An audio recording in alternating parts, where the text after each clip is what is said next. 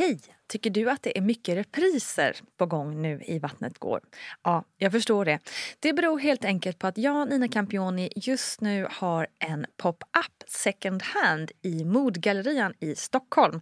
Så min tid räcker helt enkelt inte tid att göra så många avsnitt som jag hade önskat. Men tills jag är tillbaka på full tid, kom gärna och hälsa på mig i Modgallerian. Vi ses! Eh, så då tänkte hon ett dygn och sen så ringde hon upp mig och så sa hon, vet du jag har avbokat min semester för att... Eh, Men gud, wow. Hon bara, du har, hon bara, du har såna, hon bara, du är så mentalt förberedd och du, du är så redo för det här och det är så viktigt. Eh, eh så jag, eh, jag vill hjälpa dig med det här.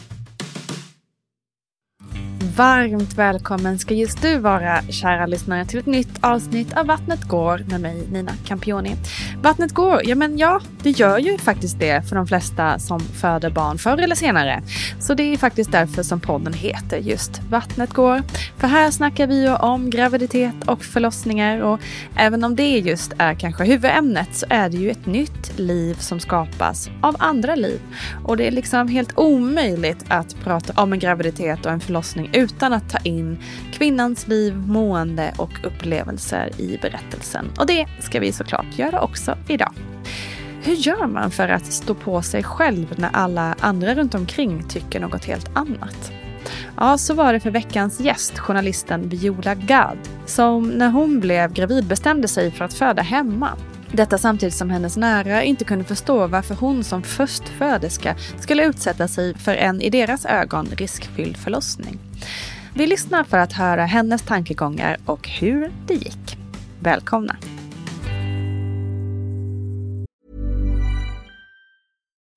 Life is full of what ifs. Some awesome. Like what if AI could fold your laundry?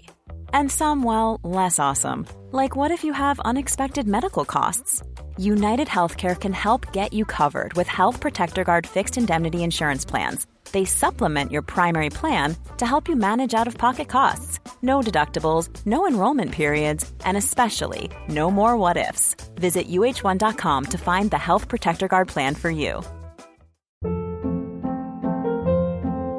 Hold up. What was that? Boring. No flavor. That was as bad as those leftovers you ate all week. Kiki Palmer here, and it's time to say hello to something fresh and guilt-free. Hello Fresh. Jazz up dinner with pecan-crusted chicken or garlic butter shrimp scampi. Now that's music to my mouth. Hello Fresh. Let's get this dinner party started. Discover all the delicious possibilities at hellofresh.com.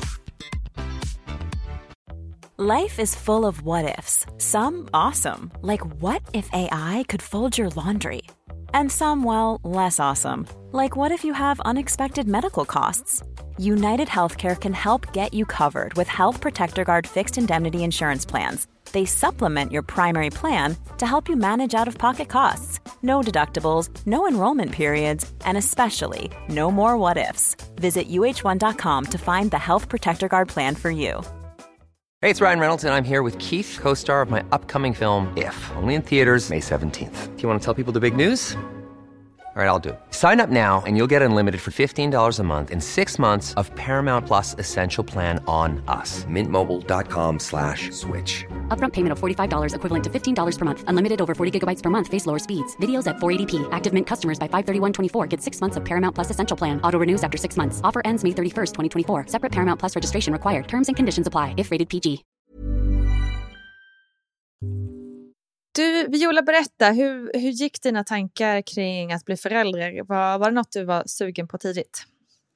Um, alltså jag uh, hade egentligen inte tänkt så mycket på det. Jag hade bara tänkt att man ska väl bli förälder. Man kommer väl bli förälder. Mm. Så jag hade inte um, tänkt så mycket på det uh, förrän jag började komma upp i 30-årsåldern. Eller typ 29-30. Um, och um, då började jag eh, liksom känna en, liksom, en stark längtan efter det. Mm. Där, runt 30-årsåldern. Eh, och jag tror också att det var på något sätt med ens livsstil. Att jag kände att många av ens kompisar började få barn och att jag kände lite så att ja, men alla, alla liksom vi umgicks med folk som hade barn och så, då kände jag så att okay, men antingen måste jag nu, om man inte ska ha barn, då måste jag typ flytta utomlands igen för jag hade bott i New York där liksom Mm. det finns, det kändes lite som att det blev norm här hemma att få barn. Just alltså det, på gott och ont. Eh, och, Så jag tror att det var både liksom en urge, biologisk urge i mig men också samhället runt om. Liksom. Att helt plötsligt kände jag att jag befann mig i en barnvärld. Och då kände jag att antingen måste jag fortsätta vara ung och då måste jag typ flytta tillbaka till New York eller någonting. och, eller, du vet, eller, ha, eller, eller så måste jag, jag, eller så måste jag, jag kan inte leva det här liksom det var svårt i Sverige att leva liksom ett, eh, ska man säga, ett liksom, eh, fortsätta det här liksom ungdomliga livet liksom på något sätt. Just det. Ja. Eh, ja. Men det är ju det liksom. Det är så intressant det där med hur, eh, hur när andra runt omkring en tar nästa fas i livet eller går in på en ny väg. Ja, Hur det påverkar en själv. Man tänker så här, men jag är självständig och liksom kan ju göra hur jag vill. ja. Men det, det är ju sjukt svårt att inte påverkas. Nej. Och, jag, och sen då när jag började, så, här, så det som hände var ju att jag slutade, ehm, eller vi slutade med birth control eller, ehm, och, eh, och sen så tog det fler, alltså det hände ingenting. Och då började jag ju, alltså då tror jag att det växte ännu mer och sen så, då var det som att jag hade liksom en sån, fick en liten oro att, ah, men, ha, jag trodde man bara skulle bli gravid, gravid på en gång. Ja. Så det tog nästan eh, tre år eh, innan Mm. eh, jag och min kille Henke eh, eller nej, innan jag, jag, jag gillar inte när vi blev gravida för det var faktiskt jag som blev gravid. men, men jag ska ändå, men jag ska ändå eh, eh, Han var med och hjälpte till Ja, på han vägen. var ändå med och hjälpte till på vägen. Eh, men, eh, eh, men det tog, eh, det tog ett tag. Och under, tid. den, under den tiden så eh, var det mycket så här, alltså jag hade svårt typ, att träffa gravida kvinnor och eh, Mm. eller det var någon midsommar jag skulle till och så visste jag att det skulle vara så här fyra eh, gravida eh, tjejkompisar där. Så att jag kan faktiskt inte gå på den här festen för att det var för psykande för mig. På Mm. Något så sätt. pass. Ja. Ja. Eh, och det, även fast det låter kanske inte så långt, alltså nu, är, nu tänker jag så här, det inte var så lång tid, men jag tyckte att det var, eh, ja, Ja, men där och då är Ja. ju varje Ja. månad är ju herregud en terror liksom. Eh, eh, hopp och förtvivlan liksom var och varannan dag. Det är inte konstigt att det kändes som en evighet. ja. Och man, vi testade ju, men vet, man tittar på sin, eh, eh, håller på med ägglossningsstickor och sen så tror man att man är gravid men så kommer mensen och så blir, alltså det är alltid en sån, eh, eh, alltså lite berg dalbana. Typ. Och jag som alltid har haft så här eh, väldigt så eh, regelbundna menscykler fick helt plötsligt jättekonstiga menscykler när jag då började vilja bli gravid. Så det var jag, Just det. ja, Så också sj- sjukt hur, hur, liksom, hur mycket psyket och måendet påverkar stressen och Ja. liksom, hur det påverkar vår ho- hormonbalans. hormonbalans. ja Otroligt. exakt. Ja. Alltså jag tänker i och med att ni höll på, förlorade du hoppet helt någon gång och bara så här, vi ger upp eller liksom? Ehm, ja, men det var ett tag som jag, som jag bestämde att nej, men nu slutar vi försöka. För jag höll på så varje månad och liksom pressade för det. Och liksom, eh, det var så, um, eh, blev så tekniskt. Liksom, att, alltså efter ett tag så bara gav jag upp. Och så hade jag faktiskt en... Jag tror också det var, det var precis i början av covid. Eh, så hade vi en paus. Okej. Jag bara, nej men nu tänker vi inte på det här några månader. Eh, det var precis i början på covid. Så att jag tror att det kan ha spelat in, för jag började jobba lite mer hemifrån. Ehm, alltså det, jag fick ett så, lite annat tempo i livet. Liksom.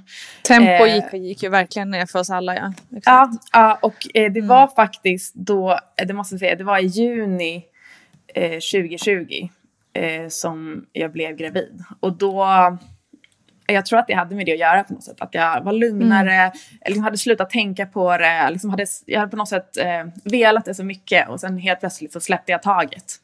Eh, och, och, och eh, så till slut, eh, så till slut funkade det. Eh, Hur kändes det? Nej men det, det var ju helt otroligt. Alltså jag minns när jag tog mitt första sånt... Eh, alltså man kissade på den här stickan och eh, min kille var ute och seglade så han var inte där. Och så fick jag de här, jag fick så här en, man fick en rand och så fick man en till som var lite, inte lika stark. Men jag bara, men gäller den här då liksom om... Om även är, och så liksom, eh, googlade jag massa och så bara, tror även om typ eh, den här linjen, jag hade bara ett test också, jag hade inget fler. Bara, eh, även om eh, den här linjen, och jag var ute på en ö ute, där liksom, ute i skärgården där mina föräldrar och äv- även vi har ett litet hus nu. Ehm, så jag kunde inte få tag på någon, någon till. Och, och då sa de, ah, men även om det är ett litet tunt streck så gäller det. Och då minns jag att jag Mm. liksom böjde mig ner och kysste golvet. Och, eh, Ja. och eh, direkt så liksom typ började jag, jag bara nu, nu, eh, det här kommer funka. Och så jag, då kom väl också den här oron att det inte skulle funka såklart. Just det, men, såklart. men det var Mm. första gången då efter eh, tre år. Eh, så jag hade inte haft problem med missfall, det var inte det som varit problem. Men det var första gången som, Mm. som jag faktiskt blev gravid överhuvudtaget. Mm. Eh, och eh, på något sätt så tror jag jag kände att, att det här kommer funka. För jag liksom kysste marken och liksom, jag hade ändå väldigt stark tilltro eh, Mm. till det. Eh, men det dröjde fram till vecka 15-20 tror jag innan jag vågade berätta det för folk. Ja, jag fattar. Stor... Det blir ju liksom så otrolig lättnad samtidigt som det är en stor, kan jag tänka mig, liksom bara... Ska vi verkligen få, ska vi få det så här bra? liksom, eller är det här verkligen sant? Liksom? Ja, Hur, hur eh, liksom, berättade du det för, för killen då som var iväg och segla? Eh, jag tror faktiskt att jag ringde honom. Men jag fick inte tag på honom för han var ute till havs. Alltså han var ute, han Mm. Gotland runt. Eh, så han Ah, var liksom, okej. så det gick inte att få tag på honom. Så det var först när han kom tillbaka typ två dagar senare. Eh, så jag sprang över till min mamma som bor i huset bredvid och min syster och liksom berättade för dem. Eh, men de var lite så här chockade, de var är du säker typ? Och, så här. och jag bara, jag vet inte, jag har bara tagit ett test. Men det var som att jag var säker. Även fast Ja. jag var lite osäker på om det där testet som var lite så svagt. Men jag visste det på något sätt. Jag tror jag kände det också. Ja. Och jag visste ju också att eh, min mens inte hade kommit som brukade komma då. Alltså, du vet, så jag kände att det liksom ändå... Ja. Men jag berättade när han kom tillbaka och då eh, sa han att jag, har- jag har känt på mig det. Jag har känt på mig det under hela Är det sant? Ja. Nej, Eh, Wow. han, han var, det var någon... Vad jag, bara, jag, coolt. ja. Det var något. Nej, det var, Något det var något magiskt, något magiskt Ja. där. Typ, jag och jag kände också, jag hade kämpat, alltså vi hade kämpat väldigt intensivt en vinter. Jag kommer ihåg att det var lite grått i Sverige och mulet. Det var som att så här, sen så bara bytte liksom årstiderna och så kom liksom våren och ljuset. Och jag vet inte, och att jag hade ändrat mentalt lite hur jag tänkte och så liksom Ja, jag vet inte. Man kanske läser Mm. in lite mycket, men det kändes som så här rätt. ja. Nej, men det, det är liksom, jag kan ändå förstå den där känslan att man, man känner i kroppen eh, Ja. att det nu, nu är det. Liksom. Ja, ja, Eh, eh, hur flummigt det än må låta. ja. Eh, men du, hur mådde du då under graviditeten? Eh, men jag mådde faktiskt väldigt bra, måste jag säga. Eh, jag var... Jag, jag hade... mm, Jag var väldigt hungrig på morgnarna. Så jag minns bara att jag vaknade upp eh, som att det var som en sån eh, tiger i magen. Eller det var som en sån liksom rar typ så här. Så jag minns att jag Ja. bara gick direkt till eh, kylskåpet på morgnarna. Eh, I alla fall första så här, tre månaderna, fyra månaderna. Eh, att jag var tvungen att äta på en gång. Och annars blev jag yr och liksom snurrig. Alltså annars kunde jag må illa. Men om jag bara fick det där första, så jag åt liksom en tallrik med fil och flingor för det var det som var enklast varje morgon.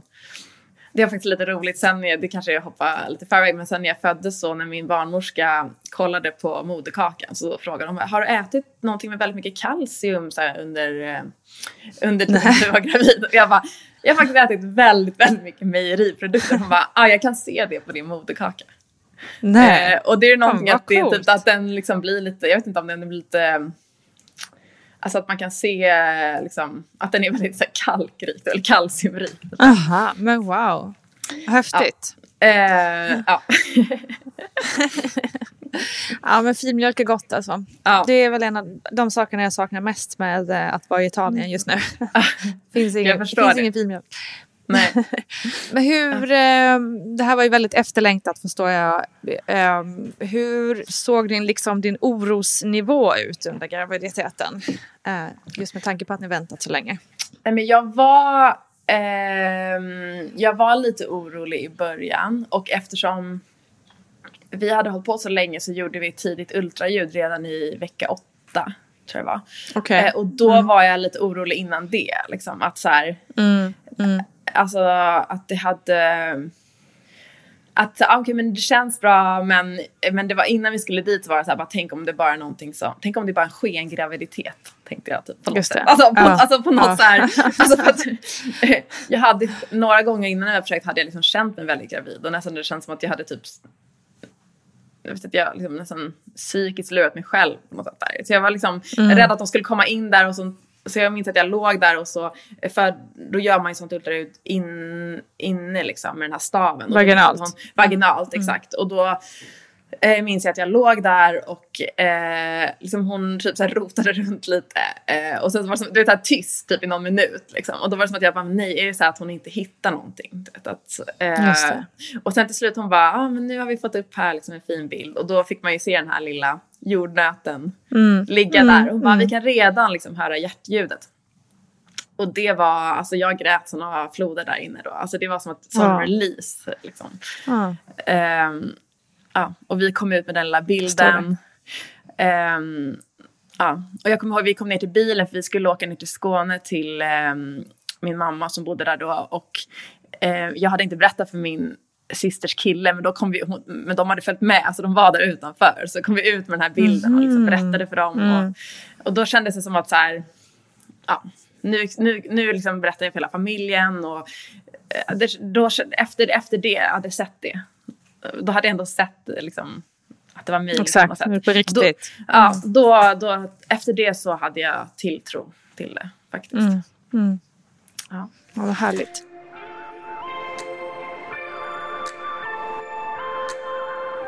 Men jag vet att du också förberedde dig ganska mycket inför förlossningen. Eh, berätta. Ja, eh, nej men jag tror att det var, jag tror att det ligger lite, alltså det var två delar. Jag tror först att det var vi höll på rätt länge. Ehm, och sen så tror jag det är i min läggning att göra mycket research eftersom jag jobbar som journalist. Eh, så det, eh, och när det liksom handlar om min kropp och en så stor förändring så kände jag att ja, men, okej nu ska jag föda barn, det har man liksom hört talas om. Liksom, jag hade hört, man har ju alltid sin mammas historia. Man har ju hört sina vänners historier. Ehm, och då var det liksom, nu är det min tur. Och då, ehm, jag tror att det jag kom ifrån var eh, först att jag hade hört rätt mycket skräckhistorier från vänner. Och det är ju väldigt, det är väldigt, eh, det är väldigt subjektivt var man befinner sig. Men också just då i Stockholm var det ju eh, liksom redan då barnmorskekris. Jag hade så en, en, en nära vän som hade blivit liksom inskickad, eh, liksom, eller eh, åkt in, hade varit typ så här fyra centimeter öppen, blivit hemskickad, vet, så kommit in i, alltså du vet mitt på sommaren, eh, Ja, ja, ja. mitt på sommaren när det var jätte, liksom, få som jobbade. Eh, och få, haft en sån eh, typ skräckupplevelse faktiskt hade hon haft. För att hon kände att hon också blev liksom, hon fick bedövning men inte fick stöd i det. Så hon bara, helt plötsligt kände jag ingenting och då var det ännu läskigare tyckte hon då. För att då kände hon att då behövde hon någon som kunde berätta för henne vad hon skulle göra. Just det, det var ingen Eh, där liksom. Och så var det ingen där. Eh, Nej. eh, fruktansvärt. så det slutade med att hon gjorde kejsarsnitt med sin andra son för att hon ville inte uppleva det överhuvudtaget. Hon kom liksom inte över det. Fy, så sorgligt detta är. Alltså, usch. Och då kände jag någonstans att, eller liksom, det var ju en historia men sen hade jag hört liksom, jag tror inte, jag hade haft nog, jag hade nog hört rätt få historier som hade varit så här, allting gick jättebra, typ. Jag fick det precis som jag ville. Liksom. Det var liksom alltid någon liten itch i nästan alla historier. Eh, Och så vet jag ju nu när jag liksom pratar med henne att så är ju inte fallet. Men där jag befann mig då var det så. Eh, Och sen ehm, Eh, tror jag också jag hade min egen mammas eh, historia i, i ryggsäcken. För att eh, hon, eh, när hon födde mig så ville hon också föda naturligt. Eh, var liksom hennes idé. Men hon hade inte, hon hade inte förberett sig så mycket eh, förstod hon sen i efterhand. Och så min förlossning med mig eh, blev rätt utdragen. Eh, och hon fick eh, eh, hon har alltid beskrivit den till mig som, som jobbig och att så här, hon, vill inte, hon ville ha det helt naturligt men i slutändan fick hon ta allt som fanns tillgängligt. Eh, och att de, så jag blev, när jag föddes så blev jag utdragen med sugklocka. Eh, Okej. och ehm, alltså, eh, sen har jag sett bilder för min pappa filmar och allting ser sig väldigt fint ut efteråt. Men jag tror att mammas historia var liksom på något sätt att här, min födsel var väldigt jobbig och sen så gjorde hon revansch med min lilla syster. Mm. Eh, okej. Mm. Eh, och jag tror jag kände någonstans att eh, ja, men jag vill försöka göra allt jag kan för att få en bra sån, vad ska man säga, Mm. En bra upplevelse och liksom en fin historia att berätta för mitt barn också. Liksom. Just det. Mm. Eh, eh, ja, tror jag känner. Fint. eh, ja. För att, eh, och alltså det är inte så att jag har på något sätt, alltså mamma har ju aldrig så här lagt det på mig, men jag tror ändå man har någonstans känt lite så här, bara, ah, men du, var, du var lite jobbigt, du tog tid på Mm. Du var dig nu." jobbig. Ja, exakt. Du var Ja. jobbig redan från början. Exakt, du tog tid på dig att komma ut. Eh. Och då kan jag ju, jag vet inte, jag kan väl känna att ehm, såklart, alltså det hade jag också med mig, man kan ju inte styra helt, men jag kände väldigt starkt att här, jag vill försöka i alla fall göra mitt bästa. Ja, men alltså det kan man ju såklart förstå att det påverkar en. Alltså, även om, som du säger, det är inget, det ligger inte på dig, naturligtvis inte. Men jag kan ju ändå relatera till att man liksom ändå får höra det hela tiden. Att så här, ja, att man liksom lite, för det blir ju, alltså just det där, man vet ju också, för jag hade också sådär att man, min första förlossning var eh, skithemsk, traumatisk, eller skithemskt, men den, för mig var den traumatisk Ja. och andra var lite som revanschen då. Eh, och det, blir, det har ju skapat stora ärr i mig för den första förlossningen.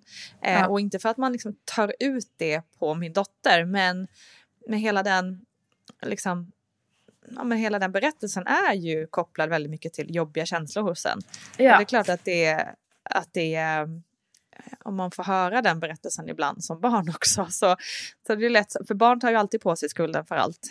Um, Ja, exakt. att, eh, det är inte konstigt Nej, eh, att det har känts så. Mm. exakt. Ehm, och jag tror också jag, alltså men det var ju lite en berg och dalbana. Det, eller det som hände, jag kan ju liksom, jag tror att det var rätt tidigt som jag eh, började, jo just det, jag gick in från ett vetenskapligt perspektiv. Jag jobbade just då på Mm.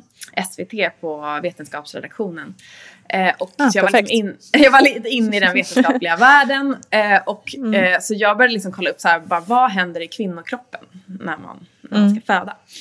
Eh, och då eh, rätt så snabbt kom jag in på det här hormonet oxytocin. Eh, som. Eh, som är det viktigaste i princip för att en förlossning ska fortlöpa utan Mm. komplikationer egentligen. Eller ja, men det är väl en stor, en, en, stor del i alla fall. Absolut.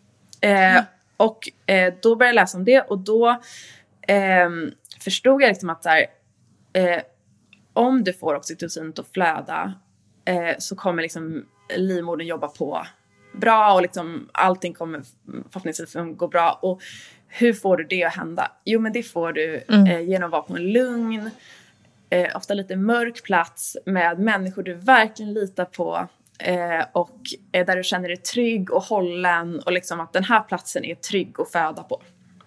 Mm. Och sen när jag liksom började titta på här, hur ser det ut i Sverige och vad här jag har hört från mina vänner. Eh, ah, det Precis tvärt emot.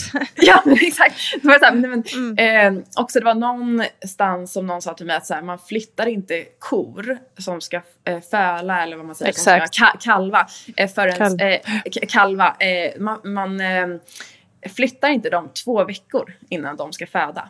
Eh, för att det känns inhumant. Men kvinnor flyttar man i Sverige så sent som möjligt för att det är platsbrist. Så liksom mitt Mm. i verkarbetet. Och då är det ju jättevanligt att man liksom kommit igång i verkarbete, det går bra hemma, man liksom börjar öppna upp sig och så ska man åka in och då liksom ska du ner till en taxi, ta verkar där. Mm. Eh, du, du kommer in på ett sjukhus med något sånt här väldigt så här, sjukhusljus. Eh, det kanske är stressigt, det kanske är ingen som möter dig. Eh, ah, det- alltså, det kan ju Mm. också vara fantastiskt, liksom, eller det kan ju också vara att en fantastisk som möter dig, men du vet inte, det är lite ett lotteri. Liksom. Nej, Exakt. Eh, eh, och då kände jag eh, någonstans där att ja, men det här... ehm, eh, jag menar också tror jag liksom, jag var rädd att det skulle komma, alltså vet att man möter någon som man inte klickar med, tror alltså man inte kan bestämma vem som ska vara en, Mm, en mm. barnmorska. Ehm, och eh, ja, men då kände jag att okej men med det här liksom i bagaget och med att ha lärt mig det här så känns det för mig som också inte, jag hade inte, alltså allt såg bra ut, jag hade inte haft en så komplicerad graviditet. Så, då, då kändes det, jag började dra mig mer och mer eh, mot, eh, eller jag blev väldigt intresserad av att föda hemma. Just det. Och hur eh, tog den, de tankarna emot av ja, men dels liksom partner och eh, familj och sådär och också barnmorska och så i och med att du var förstföderska. Ja, eh, så jag nämnde det för, alltså på barn, uh, vad heter det, BB Stockholm tror jag, alltså ja, precis, BB Stockholm fast inne i stan på liksom mödravårdscentralen. Och då mm. var det faktiskt en barnmorska som sa till mig att det är inte möjligt för du är förstföderska. Eh, så mm. de bara, det enda, det enda i Stockholm är om du eh, ska föda ett andra barn så kan du göra det via det här min barnmorska. Just det. Mm. Eh, så jag signade då upp på min barnmorska för att jag fick höra om det. Eh, men eh, för jag tänkte att okej, okay, men de kanske ändå är Ja, och jag lyckades få en plats för det var, de hade precis öppnat upp en ny så jag fick en plats även fast jag signade upp rätt sent. Eh, så jag var med i min eh, barnmorska eh, mm. och i Skärholmen i deras första liksom, omgång. Och så tänkte jag på något sätt kanske att ah, men de kommer kanske, alltså, jag inte, det kommer kanske liksom, jag kommer kanske kunna föda det var som att jag tänkte att jag kanske ändå kommer kunna föda hemma typ, dem på något sätt. Eh, mm. Men, mm. Eh, jag vet inte riktigt hur jag tänkte från början. Men det visade sig när jag var med där att det är liksom, även om det var så att jag lärde känna dem så var det ändå liksom väldigt mycket en sjukhusfödsel. Liksom. Mm. Um, och, men jag var lite så här, jag kände mig också så här, jag, och så hade jag samtidigt, jag hade hört av mig till en hembarnmorska, Sepide Gazemi.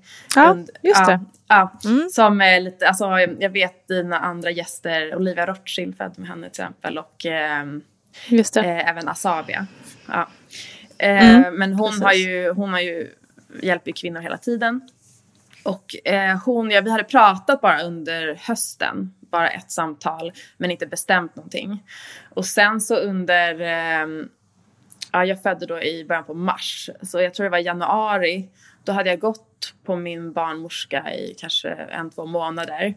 Och de var jättesnälla och fina så. De liksom förstod ju liksom vad jag ville ha, att jag ville ha en naturlig födsel och sådär.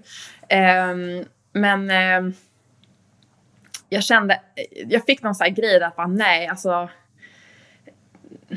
För det var alltid lite av, fortfarande med min barnmorska, så var det fortfarande lite av en sån eh, förhandling med dem. Att jag kände att jag kanske inte behöver mm. ha den här CTG-pluppen på hela tiden. Och så här. De bara, jo men det kommer du behöva. Typ. Att det var som att vi redan innan förlossningen eh, var i någon slags så här, eh, eh, vi var i någon slags lite förhandling på något sätt.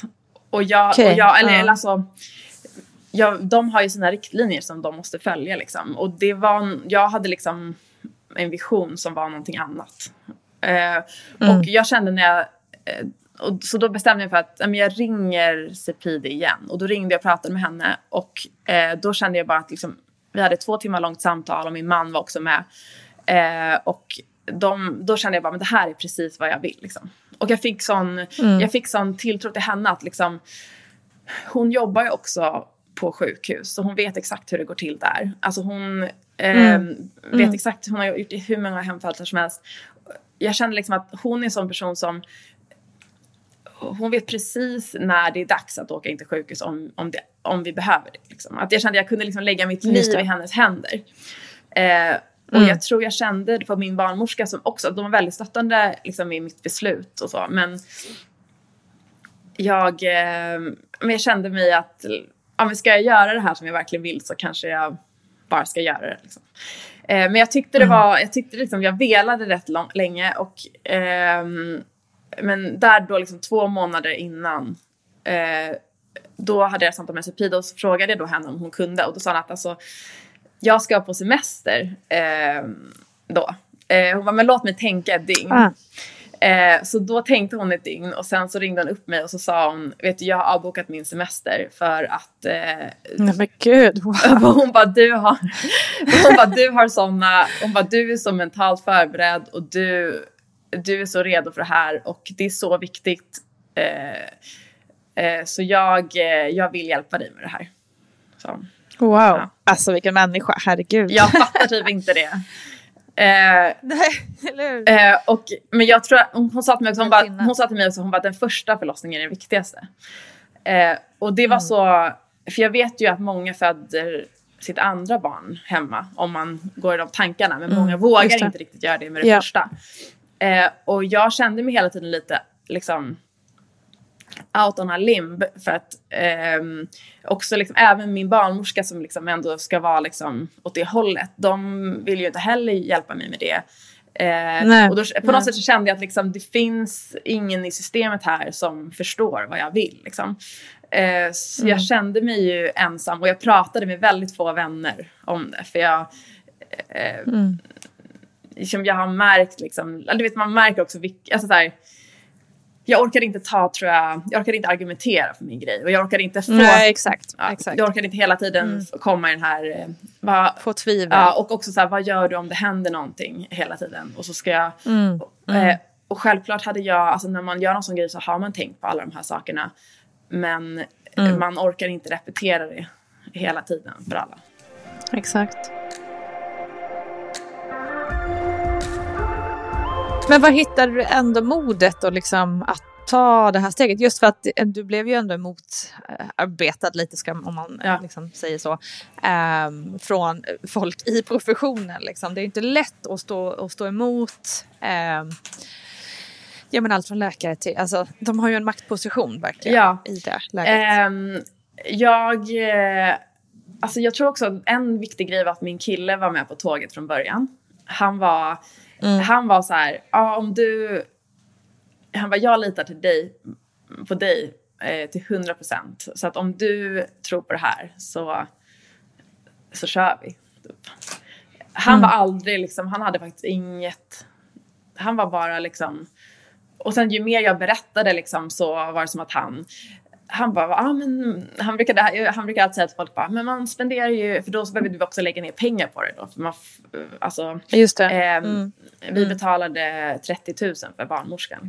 Och det är ändå mycket pengar mm. och eh, något som man annars, alltså som vi egentligen betalar skatt för och borde få, tycker jag, av systemet. Exakt. Eh, men eh, då var Henke så här, han bara, men Vadå, man lägger pengar på en födelsedagsfest eller man lägger pengar på en, eh, en resa. Han bara, det här är ju livets mm. största resa.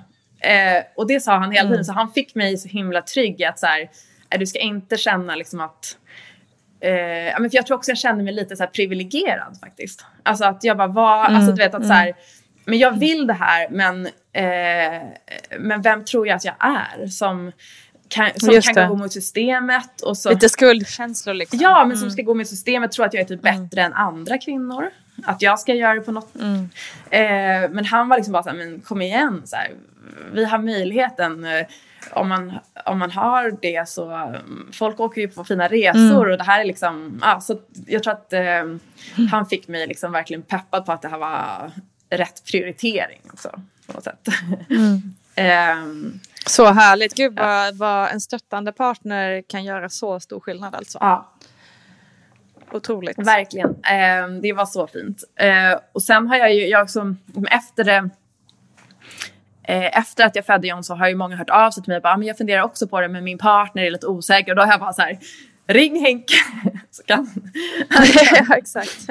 men jag vet att det var bara någon, om det var någon eh, vecka eller två innan jag skulle föda så vet jag att Henke fick telefonsamtal från några av sina gamla vänner, några killkompisar eh, vars fruar hade haft eh, rätt svåra förlossningar på sjukhus och eh, då ringde han henne och bara men är ni galna typ lite så alltså vad gör ni typ tänk ah, lite så här, tänk mm, om mm. typ så här, att eh, du vet typ min mm, fru förlorade så här mm. mycket blod och hade typ inte överlevt vet det var mycket sådana så han, mm. fick så här, han fick ett gäng med sådana samtal. Eh, men han berättade inte ens det här för mig. Han, ja, han bara dealade med det.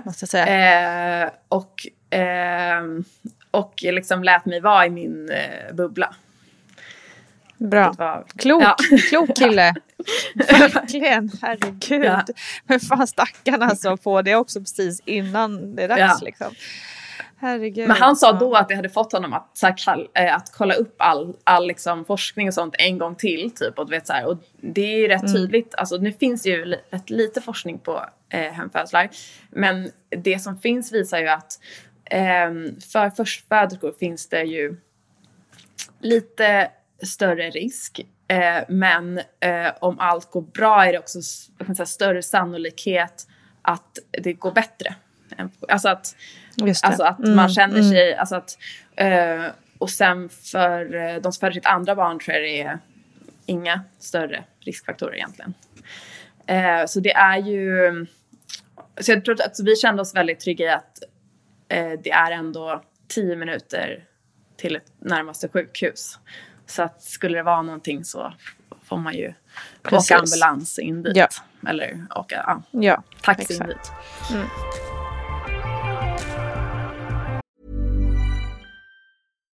Here's a cool fact a crocodile can't stick out its tongue. Another cool fact you can get short term health insurance for a month or just under a year in some states. United Healthcare short term insurance plans are designed for people who are between jobs, coming off their parents' plan, or turning a side hustle into a full time gig.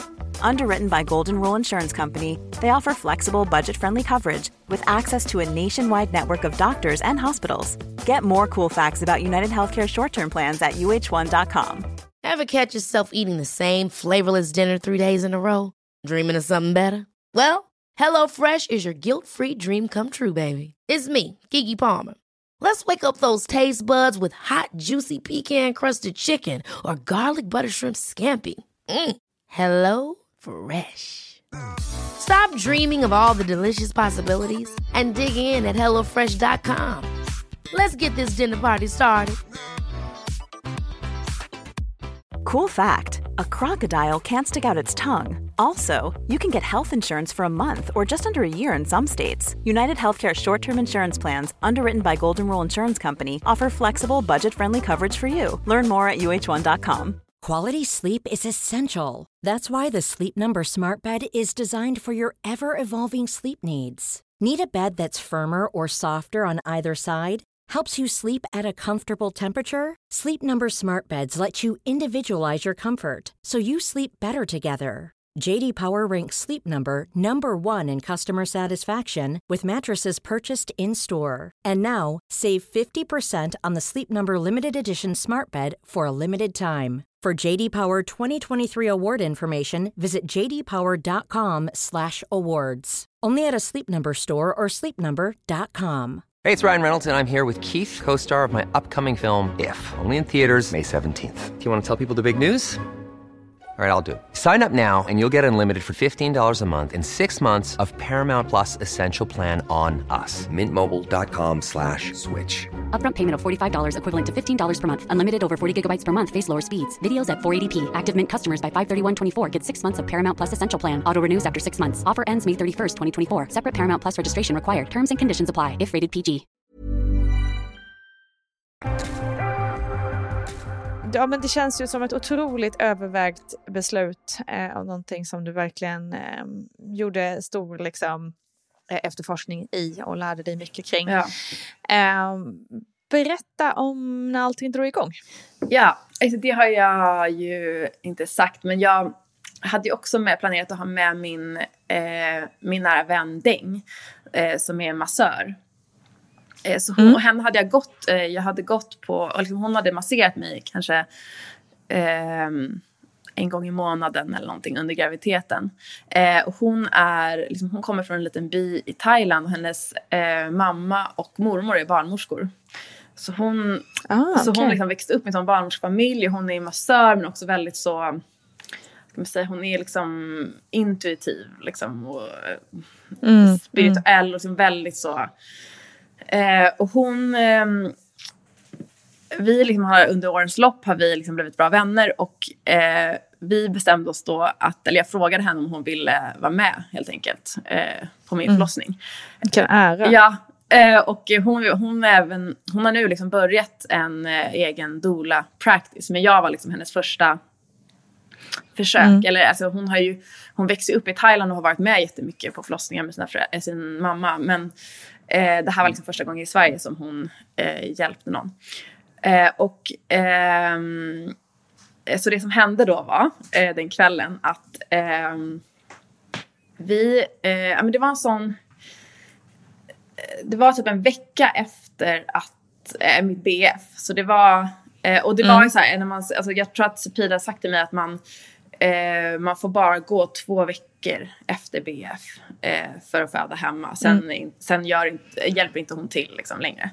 Eh, så jag Mm, visste att jag hade typ bara någon vecka till på mig. Liksom. Så jag, var, jag hade varit Mm. rätt lugn, jag var nog rätt lugn men jag, och jag hade liksom, vet, planerat lite olika saker. Jag hade typ varit hos frisören. Jag hade liksom vet, haft sån vecka. Jag, hade, jag jobbade faktiskt till väldigt sent så jag var bara ledig en vecka innan. Och den veckan hade jag liksom haft massa olika liksom, små planer, ätit lunch med folk och så. Och sen helt plötsligt var det en dag när jag inte hade några planer längre. Det var som att planerna var slut. Liksom. Eh, och då var det eh, så, um, då på morgonen så eh, känner jag typ vid tiden när min man har gått till jobbet så känner jag någonting väldigt slemmigt i trosan. Och då är det slemproppen.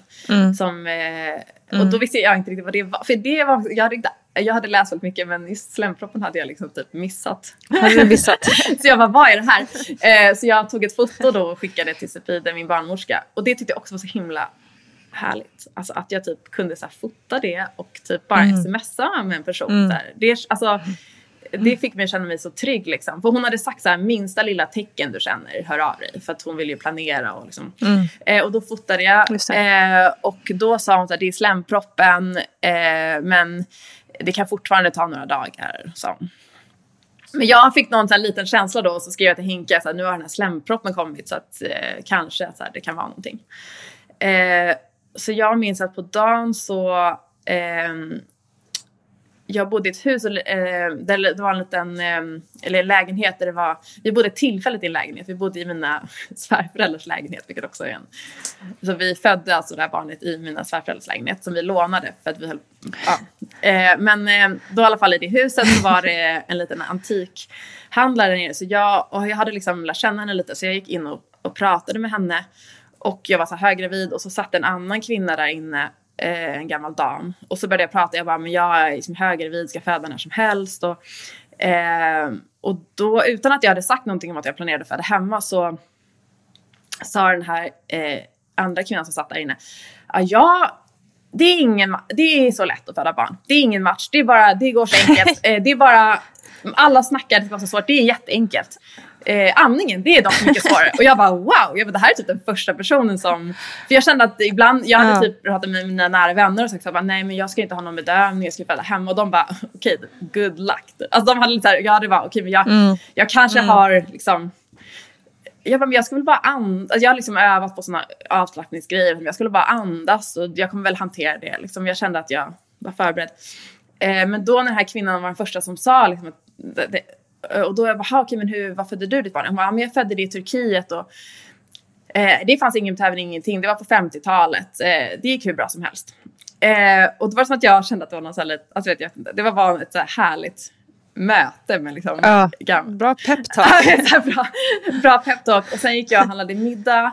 Ehm, och ehm, jag minns att det var så här... att jag liksom tittade ut, jag gick en promenad nere vid Djurgården. Jag tittade ut över Djurgårdsbron. Jag bara, det här kanske är sista gången jag ser den här vyn. Liksom. Nästa gång kanske jag är mamma. Kommer jag att jag tänkte. Eh, och sen så gick jag tillbaka, lagade middag till mig och Henke. Jag bakade också kakor. Ehm, och eh, sen kom han hem, då hade han köpt en liten flaska bubbel. Eh, och så hade vi en sån date night. Det var en jättegod middag som jag hade lagat. mysigt. och så liksom drack jag ett glas champagne. Ehm, och så kom jag att jag satt på en sån eh, boll, en sån pilatesboll. Liksom. Vad mysigt att ni båda två lite hade förberett det Ja. liksom, på varsitt håll om att, det, att någonting var på gång. Ja men också liksom. typ lyssnade på jättehärlig musik och sen så var det ändå så dags att gå och lägga sig och då hade vi som rutin att Henke gjorde en massage eh, på mig eh, som liksom avslappningsgrej så han gjorde den massagen och under massagen så bara kom det liksom en skvätt vatten ur mig. Eh, men jag tänkte liksom inte att, jag bara, är det här vatten som går? Jag bara, men jag fattade jag inte riktigt att det var vatten. Jag trodde, liksom, det kom bara lite vatten och jag bara okej det här var märkligt men jag vet inte, det här kanske var någon sån här mini-orgasm eller jag vet inte. jag vet inte. Så vi alltså, vi gick i alla fall och la oss efter det och eh, började hångla i sängen. Eh, och mitt under typ en kyss så får jag min första verk när det bara, bara rar, liksom i magen. Wow. Eh, Ja. Och då eh, blev jag så chockad. Jag bara, gud vilken kraft. Det var som att det bara, för jag hade hört också så här att eh, ja, men man kan få en verk så kommer den typ en timme senare och det byggs upp lite långsamt och sådär. Ehm, och, jag, och jag minns att jag hade frågat min mamma bara, men hur känns det? Och hon bara, tro mig, typ, så du, du kommer känna liksom. Eh, men då fick jag en verk och sen fick jag en till verk, typ bara en minut senare. Det var som att det bara drog igång så sjukt snabbt. Wow. Eh, Ja. Och då eh, fick jag också en urge att gå på toaletten. Så då reste jag mig upp eh, ur sängen. Och då bara rann, alltså när jag reste, ställde mig upp ur sängen så bara plaskade liksom allt vatten ner på golvet. Eh, och sen så eh, fick jag en urge att gå på toaletten. Eh, och då satte jag mig på toaletten och liksom tömde tarmen. ja, det var liksom en sån, det kändes som att det var Ja. liksom, eh, något som bara Ja, hela systemet skulle Ja. ut liksom. Eh, och då blev jag darrig först. Alltså väldigt så adrenalinig. För jag kände liksom att det var liksom igång. Och jag vet ju då att det var liksom... Jag ringde Rosipide eh, och hon ställde liksom kontrollfrågor. Så här, bara, är typ... Är fostret liksom fixerat och är... ehm, ehm, ja men så här, hon frågade liksom hur ofta kommer verkarna så här, och rätt snabbt så insåg hon att de kom rätt, rätt ofta. Liksom. Och sen till, efter bara någon kvart så var det för jobbigt för mig att liksom prata eller smsa med henne så då tog liksom Henke över. Eh, så det, ehm, Men då blev jag, alltså, jag började skaka och typ så här och hyperventilera lite. Och då var hon så på telefon väldigt så här, okej men om du ska liksom klara av att göra det hemma så måste du eh, lugna ner dig, liksom, få ner andningen. Och då sa hon till mig att hålla min hand över munnen så att jag kunde känna andetaget eh, liksom i handen. Mm. Och det var väldigt bra för då var det som att jag liksom kunde känna när jag andades för häftigt. Liksom. Eh, Just det, det blir tydligt liksom. Ja, Mm. eh, och så då fick jag ner det och sen eh, flyttade jag in till duschen och satte mig på den här pilatesbollen och typ spolade varmt vatten över mig. Och då hade Henke då ringt Deng, eh, min doula, så hon kom nästan på en gång. Eh, jag tror att kanske den första verken kom vid typ halv tolv och hon var nog redan där vid ja, halv ett eller kvart över tolv och hon kom väldigt snabbt. Eh, Superredo superredo. och peppad. Eh, och då kände jag när hon kom, alltså för mig var eftersom det drog igång så extremt intensivt så kände, jag kände typ såhär när hon kom att bara såhär, typ jag är redo att föda typ. Alltså det var, för det var, det kändes som att allt, det var som att det bara, ja men det var verkligen så starkt allting. Och då när hon kom blev jag väldigt lugn för då kände jag så här: okej, det var kanske lite, fel tänkt men jag tänkte ifall bebisen kommer nu innan Sofie kommer hit så är i alla fall Deng här. Och, och ehm, ja. Ehm, Ja, men det är ju det här som du var inne på med tryggheten Ja. och liksom, oxytocinet. Att man känner sig trygg med, med, med de som är där så, så blir det mycket bättre. Ja. Om man kommer ner liksom, i med andning och allt Ja. Mm. och jag hade ju ingen, vi hade ju som en liten, eh, jag minns att Henke gick och la sig någon gång när jag var i duschen typ. Eh, och jag bara, nej men Henke du kan inte gå och lägga dig nu. Det är alltså igång nu, typ så du måste göra i ordning hela badrummet nu och ta ut den här bänken och lägga fram madrassen och tända ljusen och sätta på den här lugna musiken. Ehm, och jag minns att jag hade valt typ så lite musik som var så lite så här, lugn men ändå musik. Men jag ville ha liksom det absolut lugnaste, lugnaste. Så det enda musiken som funkade för mig var så här the most ambient av, alltså typ såhär regndroppar. Alltså du vet jag vill ha det såhär. alltså, alltså typ såhär, även såhär typ, jag vet inte, ja men liksom allt som var liksom typ lyrics funkade inte för mig. Liksom. Jag ville bara ha Valsång. Ja, valsång. eh, eh, så um, då liksom fixade han i ordning. Och sen kom Sepida tror jag runt tre tiden kanske. Två, tre, och då minns jag att det var intensivt. Då hade jag liksom verkar redan varann, var, liksom, var trettionde sekund eller vad man har. Liksom. Alltså det var väldigt så här. Ja, wow. Mm. Och, så jag, Verkligen det var verkligen igång. Eh, och jag var ju lite, det var typ som att jag Henke sprang ner och parkerade om hennes bil för att hon var såhär, jag måste springa upp direkt. Eh, och så jag hade legat i badet och hon hade också sagt till mig såhär, gå upp i badet för det kan gå snabbt när man ligger i badet. Så då Mm. gick, klev jag upp i badet. Eh, men sen när hon undersökte mig då så var jag, jag tror fyra centimeter öppen. Så det var inte så långt Okej. framskridet. Men jag tror att det var liksom i min du vet, eftersom det startade så snabbt och någonsin så var det som att vet, jag bara... Mm. Så sen hon kom så tror jag liksom... Eh, jag tror att jag låg i badet från det nästan. Alltså från klockan tre och framåt tror jag bara låg i badet. Mm. Och ehm, jag minns liksom inte så mycket av den här perioden. Det var liksom bara lugnt. Jag tog en verk i taget. Jag vilade emellan i badkaret.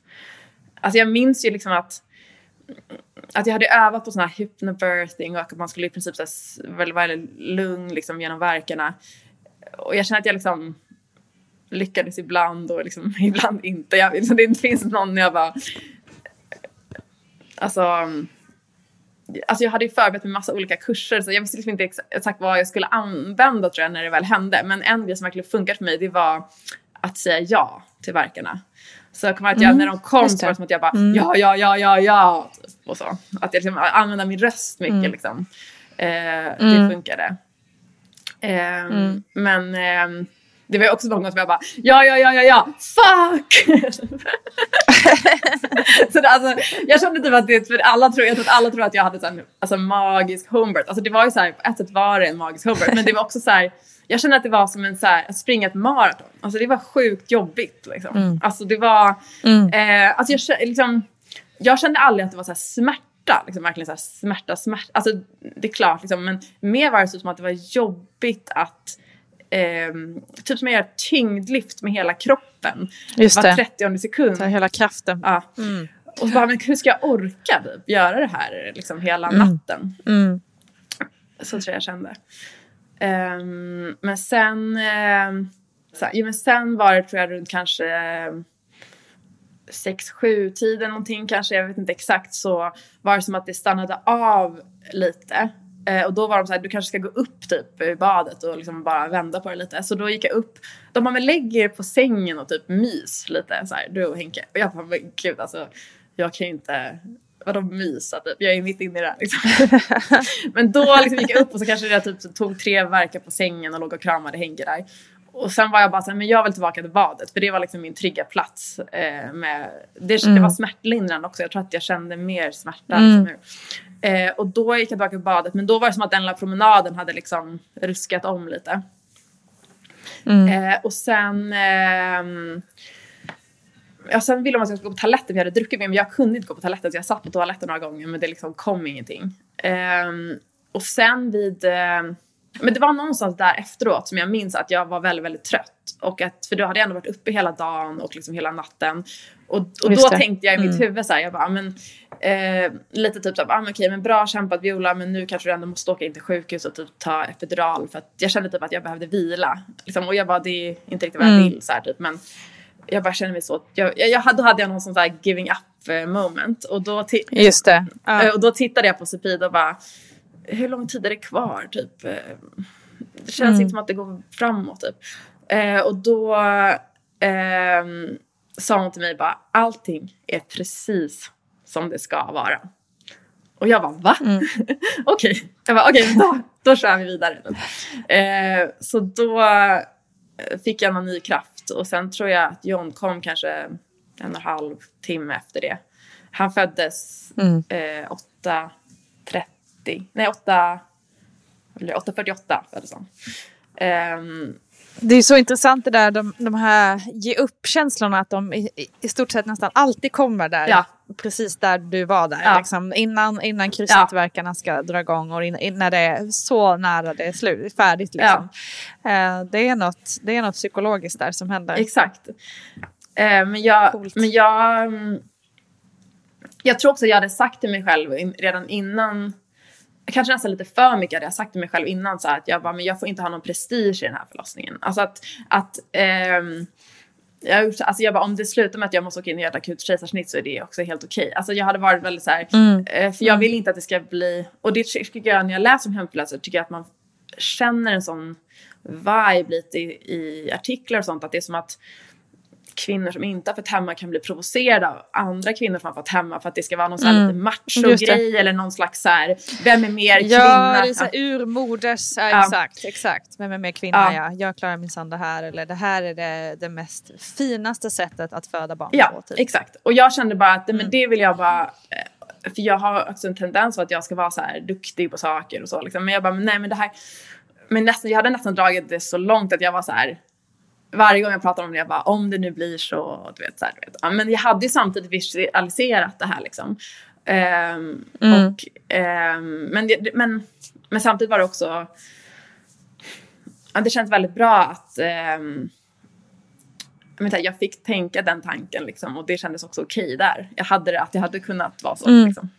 Men sen så gick allting eh, bra i slutet. Och i sista, eh, i si, sista två timmarna tror jag det var, då kom det en, en till barnmorska som heter Andrea eh, som jobbar på eh, sjukhus som barnmorska och vi lär som inom hemfödslar. Eh, så att eh, hon var liksom en, en kompis till Sepide då. Så i, i slutet så var det två barnmorskor och Deng och så Henke där i rummet. Så det var ett helt gäng liksom. Eh, och jag kommer ihåg att de, jag ville att de skulle vara helt tysta under verkarna och att de skulle så här, humma med mig när jag sa ja. Så att vi liksom, de satt liksom och sjöng med mig. Vad fint.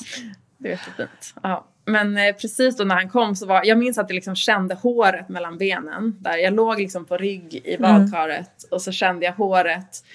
Eh, och så var det så här liksom, jag hade inte, Sofia sagt till mig att jag skulle blurra med läpparna för att det inte skulle gå för snabbt. Liksom att, så här, att liksom inte, att alltså, mjuka upp läpparna och liksom att inte försöka pusha på för mycket. Men sen var det som att hon bara, men nu, nu i den här verken kan du pusha på. Och då liksom kom först huvudet eh, ut och sen var det liksom en sista verk och då kom kroppen.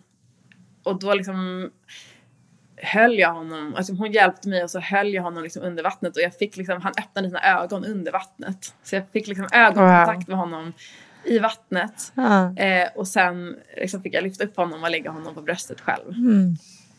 Och det, och Otroligt. det var ju, alltså, eh, jag kan inte förklara, det kändes som att det ögonblicket varade i en timme typ. Att Tiden bara stod still och jag bara tittade in honom in i ögonen. Fan vad Det fint. var väldigt, väldigt fint. Ja. Ja. Vilket otroligt ögonblick att ta med sig för resten av livet. Ja. Nej men det var så fint. Eh, och jag hade också sagt det till ehm, jag hade sagt till Henke att eh, gud hur romantiskt vore det inte om, om det var så att jag födde honom där i badkaret eh, mitt under en snöstorm. Att det var så här, jag tror inte att det började snöa. Så att eh, alltså, precis när han föddes på morgonen så snöade det ut och hela dagen efter liksom var det bara så snöstorm utanför. Eh, Ja. Så jag, jag har sagt att efteråt har jag varit så här, så här, be careful what you wish for, typ. It might come true. Och så känner jag lite med hela den här grejen. Att det var som att jag var typ rädd för att vilja för mycket. Typ som att jag drömtänkte. Alltså som att typ så här, ja, som jag var inne på lite förut så här. Nu har jag börjat så här, försöka att inte ursäkta mig för mycket för det. För att eh, jag tycker att det är hemskt på något sätt att, eh, att man ska behöva skämmas för att vilja ha en bra förlossning. På något sätt. Eller om du förstår vad jag menar. Nej, exakt. Verkligen. Ja, exakt. Nej, precis. Helt rätt tänkt. Det, ska, det är ju inget att skämmas för. Det är ju verkligen någonting bara att glädja, försöka glädjas med Ja. och vara stolt över. Ja. Eh, men Det är fantastiskt. Speciellt i vårt samhälle där det är så få förunnat. Alltså, Ja. där, det är, där är det ju liksom... Ja, alla, ska, alla skulle få en sån förlossning som du fick. ja, det var magiskt. Och det, Så blev, det blev faktiskt precis eh, som jag ville. Eh, det gjorde. Och du har en fantastisk story att berätta för din Ja. son. Att han kommit i snöstormen. ja. Ja, Ja. exakt. Ja. Underbart ju. ja.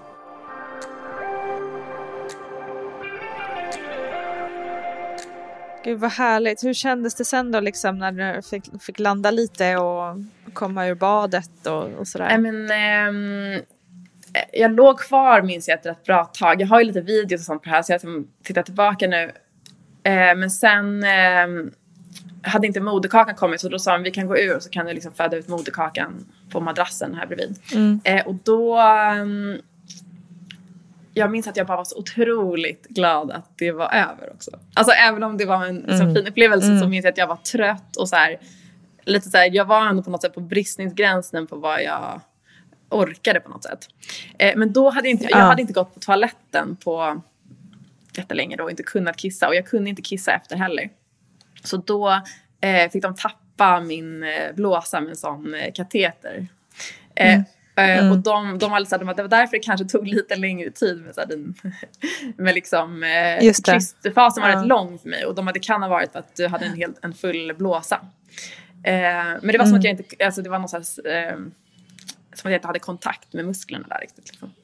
Eh, och eh, sen efter det, de tappade den och sen så gav de mig akupunktur för att eh, moderkakan skulle komma ut. Och så minns jag att de var så här, för jag var bara, det var som att jag hade typ lagt av med mentalt med födandet. Så jag var så här, jag vill bara vara med min bebis nu. Jag Exakt, orkar, nu är jag orkar inte typ hålla på med någon mer verk. Eh, eh, grej liksom. Eh, och då var de så här, men nu måste du försöka gå tillbaka till så samma stadium, du vet det här lugnet och liksom, oxytocinet att flöda. Och, så de satte på någon av mina såna avslappningsband liksom igen. Och eh, så försökte de också prata med mig lite så här, de bara eh, släpp taget om den här graviditeten. För att, eh, och det pra- jag kan, ja, så liksom att, att, att moderkakan ska också ut liksom. Och, ehm, eh, men det funkar inte med akupunktur och då eh, frågade de mig om de fick ge mig en spruta oxytocin för att få en sån artificiell verk. Och, och okej. det sa jag var he- helt okej. Eh, alltså det kändes liksom också, alltså det, jag, det, jag var liksom aldrig emot så här, vad ska man säga, alltså så här, i det skedet sen, sen så bara liksom helt, inget fel med det. Så de gav mig en spruta oxytocin. Ehm, och då kände jag efter kanske typ en halv minut, en minut att det kom liksom, att det kom som en verk. Och de bara, nu när du känner verken, liksom pusha ut med den. Och då pushade jag ut med den och då kom moderkakan. Eh, men det var, jag, kommer, jag vet inte exakt hur lång tid det var, men det var ändå Ja, det tog ett litet tag moderkakan helt enkelt att komma ut. Eh, och det sa de till mig efteråt att hade det varit på sjukhus hade de förmodligen sprungit iväg med dig och opererat ut eh, moderkakan vid det här laget. Shit. Ja, okej. Så det är också en sån grej som... Men allt var bra, så jag hade, så här, jag hade inte blött för mycket eller någonting. Alltså det var liksom inget så...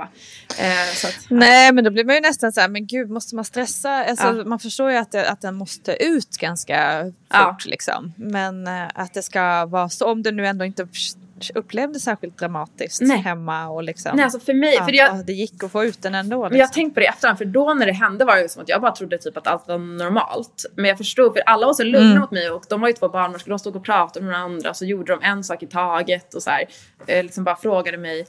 Ehm, men, men efteråt har jag förstått att det, det var, alltså det hade kanske ansetts som en komplikation på ett sjukhus liksom. Just det. Eh, Ja, men, ja. ehm, men det sägs ju vidare också att kvinnor är olika. Så som, alltså vi följer ju ofta inte samma ramverk. Alltså vissa föder ut den direkt vissa kanske Mm. Nej, tar en timme. Alltså så här, och det är klart att så här, med infektionsrisk och sånt ska man inte vänta för länge såklart. Men sen när den kom ut så var den hel och liksom allt, var, allt var bra. Mm. Ehm, men ehm, de sa också efteråt när vi hade sånt liksom, samtal efteråt så sa hon att eh, eftersom du ville ha den här graviditeten så mycket så kan det vara att man håller kvar lite extra på moderkakan. Men vad fint. Gud vad fint sagt. Och då kände jag att det är, alltså jag verkligen, Det hade de nog inte sagt på ett sjukhus heller. exakt, alltså det är ju väldigt så liksom. Men jag tycker ändå var, exakt, jag tycker ändå det var väldigt fint liksom på något sätt. Att jag ville det här så, Fint sätt att se på ja, det. att jag liksom ville ha det så mycket att jag till och med hade svårt att släppa taget om, om det sista liksom. Ja, verkligen.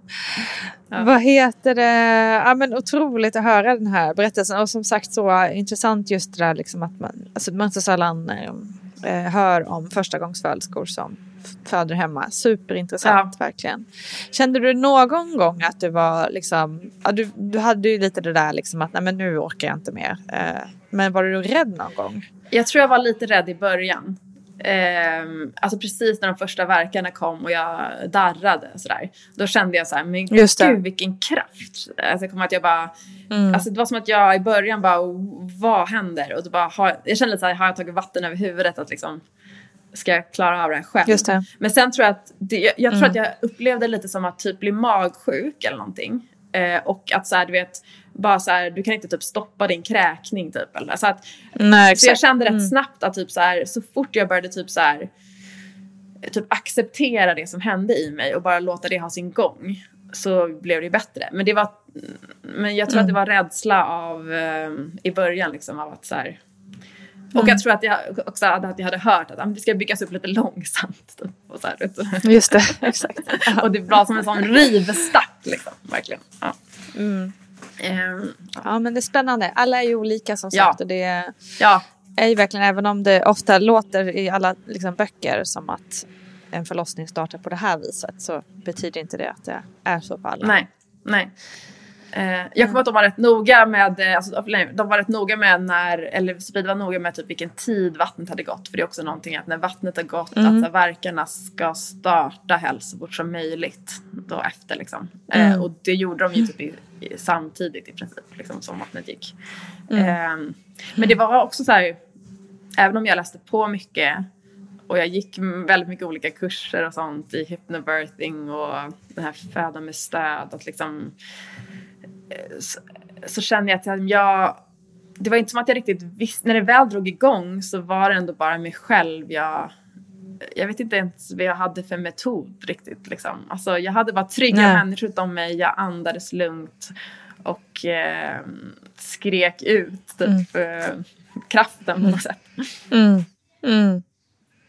Ja, men så häftigt och det är också ett bevis på liksom det här med som vi pratade om i början om oxytocinet och lugnet, lugnet i rummet. Ja. Och känna sig trygg. Ja. Nej, men det var det ju verkligen. Så viktigt. Det var det verkligen. Och sen tyckte mm. jag det var väldigt, väldigt härligt att Alltså nu har jag inget annat att jämföra med men det var ju fint att bara kunna liksom efter att moderkakan hade kommit så bara flyttade vi över oss till vår säng liksom i rummet bredvid och så bara låg jag där i sängen med John på mitt mm. bröst och så mm eh, fick jag en, en tallrik fil med flingor. och så låg jag där och, ja, men det, och så min mamma också, hon kunde komma, det var också fantastiskt. Min mamma kunde, så jag ringde henne kanske en timme eller en och en halv efter att han hade fötts och bara så här, mamma han kom i natt och hon bara va? Men vi sågs ju igår, för vi hade setts på eftermiddagen. Eh, och jag bara, men kom hit, kom hit nu. Eh, och då liksom kom mamma och var där inom en halvtimme. Eh, så mamma, mm. och då hade de, alltså navelsträngen var fortfarande i. Eh, så att mamma fick liksom vara med när de klippte av navelsträngen, hon fick träffa Sepide. Eh, det var också så himla fint att liksom, mm. det blev som en så här familjeevent på något sätt. Exakt. Ja. Ah. Fantastiskt. Så det borde vara ja. eh, egentligen. Ja. Mm. ja. Fint. Du, eh, du har ju gett eh, massa bra tips under tidens gång här, men liksom, har du något annat som, så här, om, om det är någon som är gravid nu och funderar på, eh, som är första gångs föderskor som, som blir väldigt inspirerade kanske av din berättelse, hur tycker du att de ska gå tillväga eh, om de vill um, göra liknande ja, resa? Eh, nej men jag, jag läste en bok som heter Hypnobirthing av Catherine Graves eh, på mm. sommaren precis när jag hade blivit gravid. Och den tror jag satte lite tonen för liksom, allt för mig. Eh, och den tyckte jag var jättebra. Och, eh, det är mm. då av en, en engelsk barnmorska. Eh, och eh, den har även ett så här, ljudband med inspelade. Ja, den, var, den boken och liksom, hennes avslappningar var väldigt bra för mig. Och hon det, det kan, de kan man ju göra även om man ska göra kejsarsnitt. Man kan göra dem liksom, alltså man kan ta med sig metoden vart som helst.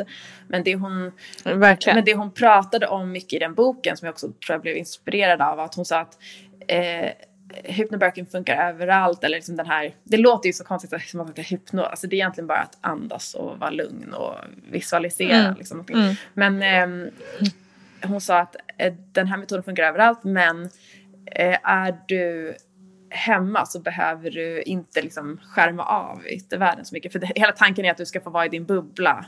Och eh, mycket var så här att ah, partners roll eh, eh, på sjukhus är att hela tiden ingen ska prata med dig som föder ut. Alltså så här, ingen ska fråga massa frågor utan mm. liksom, du ska mm. bli skyddad i din bubbla och liksom Um, och då kände jag på något sätt, det var också det jag kände att så här, men jag vill också att min partner ska inte behöva vara i så här försvarsställning under förlossningen utan få vara vara med. Liksom. Eh, så jag tror mm. det var som att hon sa att allting funkar överallt men det funkar bäst och enklast hemma på något sätt. Eh, Just det. Ja. Eh, men den boken är en väldigt bra, väldigt bra början eh, skulle jag säga. Mm. Och sen tror jag bara att Superbra. I, alltså, i själva födandet, så mitt, alltså, jag är bara, man kan, jag tror att det är jättebra ju mer man tränar och ju mer kurser man går. Alltså jag tror att man kan inte göra för mycket egentligen. Men jag tror att eh, i slutändan tror jag bara att man måste istället för att kämpa emot kroppen måste man bara eh, typ ta bort sitt mind och låta bara låta det bara hända liksom, på något sätt. Mm, mm. Och det är lättare sagt än gjort liksom. Men det tror jag är mitt ändå Verkligen. största tips att eh, att typ låta kraften ta över dig liksom. Ja. Spännande. Det var väldigt uh, mysigt måste jag säga att, höra din berättelse. Var... Den lät otroligt uh, harmonisk på något vis. Även om jag förstår att det var jobbigt också naturligtvis. ja, ja. Eh, exakt. Så var det verkligen. Det var jobbigt men också otroligt ja. underbart. Härligt. Ja. Tack så hemskt mycket för att du ville dela med dig. Tack för att jag fick vara med. Tusen tack Viola Gadd. Att lyssna på sin inre kompass, ja det är verkligen en lärdom vi alla kan ta med oss kring mycket här i livet. Stort tack kära du som har lyssnat. Tipsa gärna en kompis om podden. Det vore alldeles magiskt. Och missa inte att det också finns en fantastisk mammagrupp på Facebook där vi stöttar varandra och så finns det såklart Vattnet går på Instagram också. Ha det bäst så hörs vi snart igen. Stor kram på er. Hej då!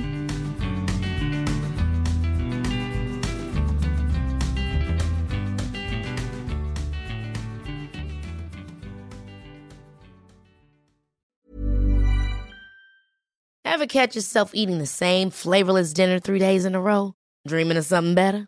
Well, HelloFresh is your guilt-free dream come true, baby. It's me, Gigi Palmer.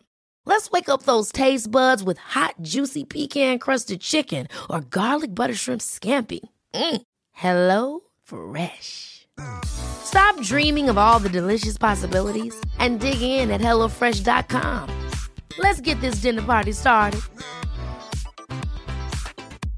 Hey, it's Paige DeSorbo from Giggly Squad. High quality fashion without the price tag? Say hello to Quince. I'm snagging high-end essentials like cozy cashmere sweaters, sleek leather jackets, fine jewelry, and so much more. With Quince being 50 to 80% less than similar brands. And they partner with factories that prioritize safe, ethical, and responsible manufacturing. I love that. Luxury quality within reach. Go to quince.com slash style to get free shipping and 365-day returns on your next order. quince.com slash style. Imagine the softest sheets you've ever felt. Now imagine them getting even softer over time. That's what you'll feel with Bowl and Branch's organic cotton sheets. In a recent customer survey, 96% replied that Bowl and Branch sheets get softer with every wash. Start getting your best night's sleep in these sheets that get softer and softer for years to come. Try their sheets with a 30-night guarantee. Plus, get 15% off your first order at bowlandbranch.com. Code BUTTERY. Exclusions apply. See site for details. Hi, I'm Daniel, founder of Pretty Litter. Cats and cat owners deserve better than any old-fashioned litter. That's why I teamed up with scientists and veterinarians to create Pretty Litter. Its innovative crystal formula has superior odor control and weighs up to 80% less than clay litter. Pretty Litter even monitors health by changing colors to help detect early signs of potential illness. It's the world's smartest kitty litter. Go to prettylitter.com and use code ACAST for 20% off your first order and a free cat toy. Terms and conditions apply. See site for details.